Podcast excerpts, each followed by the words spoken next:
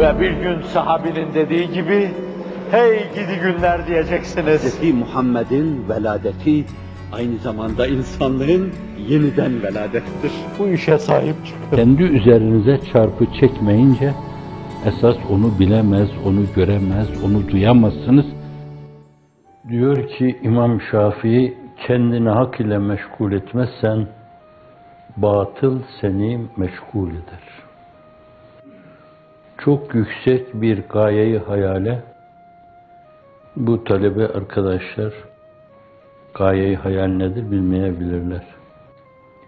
İdeali biliyorlarsa yarım yamalak onun karşılığı demek. Ziya Gökalp'ın mefkure tabirini biliyorlarsa ideal karşısında kullandı. Gayeyi hayali de bilirler. Çünkü onlara karşılık gayeyi hayali Hz. Bediüzzaman kullanmıştı. Hayalin dairesi çok geniş. O mevzuda siz de çok geniş şeylere dilbeste olacak. Hep hayallerinizde onları canlandıracaksınız. Çok güzel cennet gibi bir dünya. Ütopyalarda eşine rastlayamayacağınız çok güzel bir dünya. İnsanları birbiriyle sarmaş dolaş olan bir dünya. Harbi darptan söz edilmeyen bir dünya.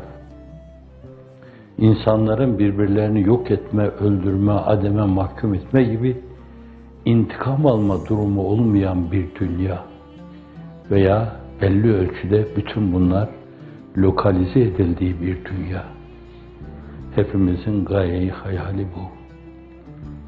Bu da o mevzuda çok sağlam, köklü, tabiatlara mal olmuş, vicdanın bir derinliği haline gelmiş kültüre, vicdan bilgisine, meselenin işlenleştirilmesine bağlıdır, vabestedir.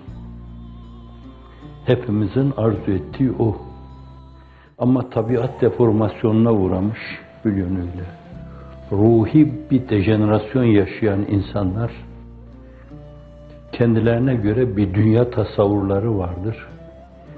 O tasavvurlara uymayan her şeye karşı ilan harp ederler, savaş ilan ederler. Dertleri bana benze derdidir. Onlara benzerseniz belli ölçüde size yaşama hak ve imkanı verirler. Benzeyemezseniz gözlerini kırpmadan sizi işna ederler. Yok etme demek. Fenaya mahkum etme demek sırasıyla belli kelimelerle ifade ederken çok tekrardan dolayı sizler de ezberlemişsinizdir. Tayir, tayip, tahkir, tezyif, tenkil, ibadet.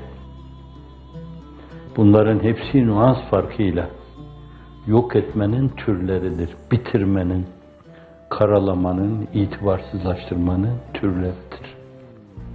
Bir de ümera bunu yapıyorsa yaparken de bunu hakka, adalete uygun görüyorsa, bu onların şerir olduklarına, eşrar çoğulu olduğuna delalet eder. Sizin de şerirlerin şerrine maruz kaldığınıza delalet eder. Öyle bir dünyada huzur yoktur, emniyet yoktur. Öyle bir dünyada korku, telaş, endişe kol gezer.'' İnsanlar güvenle evlerin içinde, salonun ötesinde, ötenin de daha ötesinde, mahrem dairesinde, yatak odasında yatarken bile güven duymazlar. Ya bir roket gelirse buraya, ya bir bomba atılırsa, ya aşağıya bir gazlı bomba filan bir şey olursa falan. İnsanlar endişeyle oturur kalkarlar. Sabahtan akşama kadar ayrı bir korku, akşamdan sabaha kadar da ayrı bir korku, ayrı bir telaş. Bu korku, telaş tesirini icra ede ede insanların hepsini paranoyak hale getirir. Hiç olmayacak şeylerden bile endişe duyarlar. Serçe pencerelerine çarpar bir bomba mıydı diye titrerler hemen. Titremekle kalmaz, evdekilerine de titreme mesajı verirler. Galiba bu bir bombaydı derler. Hanım titrer, anne titrer, baba titrer, çocuklar titrer. Bunlar korku üreten, korku borazanı gibidirler. Böyle bir dünyada.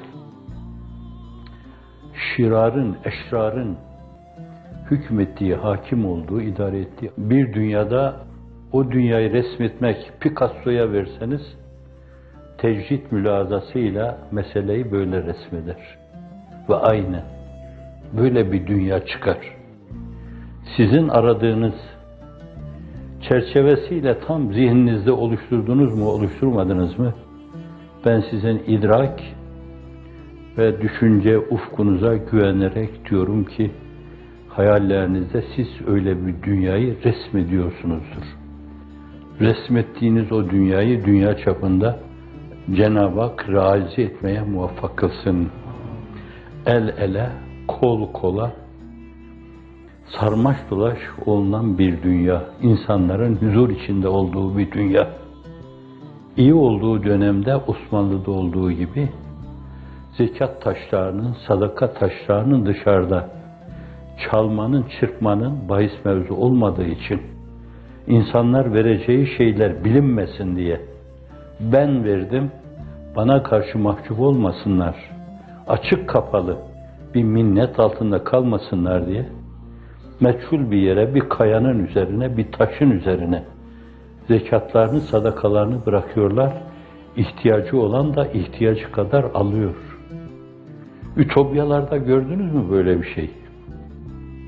Onun için o devletin mükemmel olduğu dönemde Kambelallah Güneş Devleti'ni yazdığında diyor ki, devleti Alya'yı baştan bilseydim bu ütopyayı yazmazdım ben.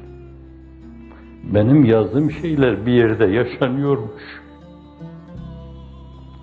Bizim getirdiğimiz şeyler.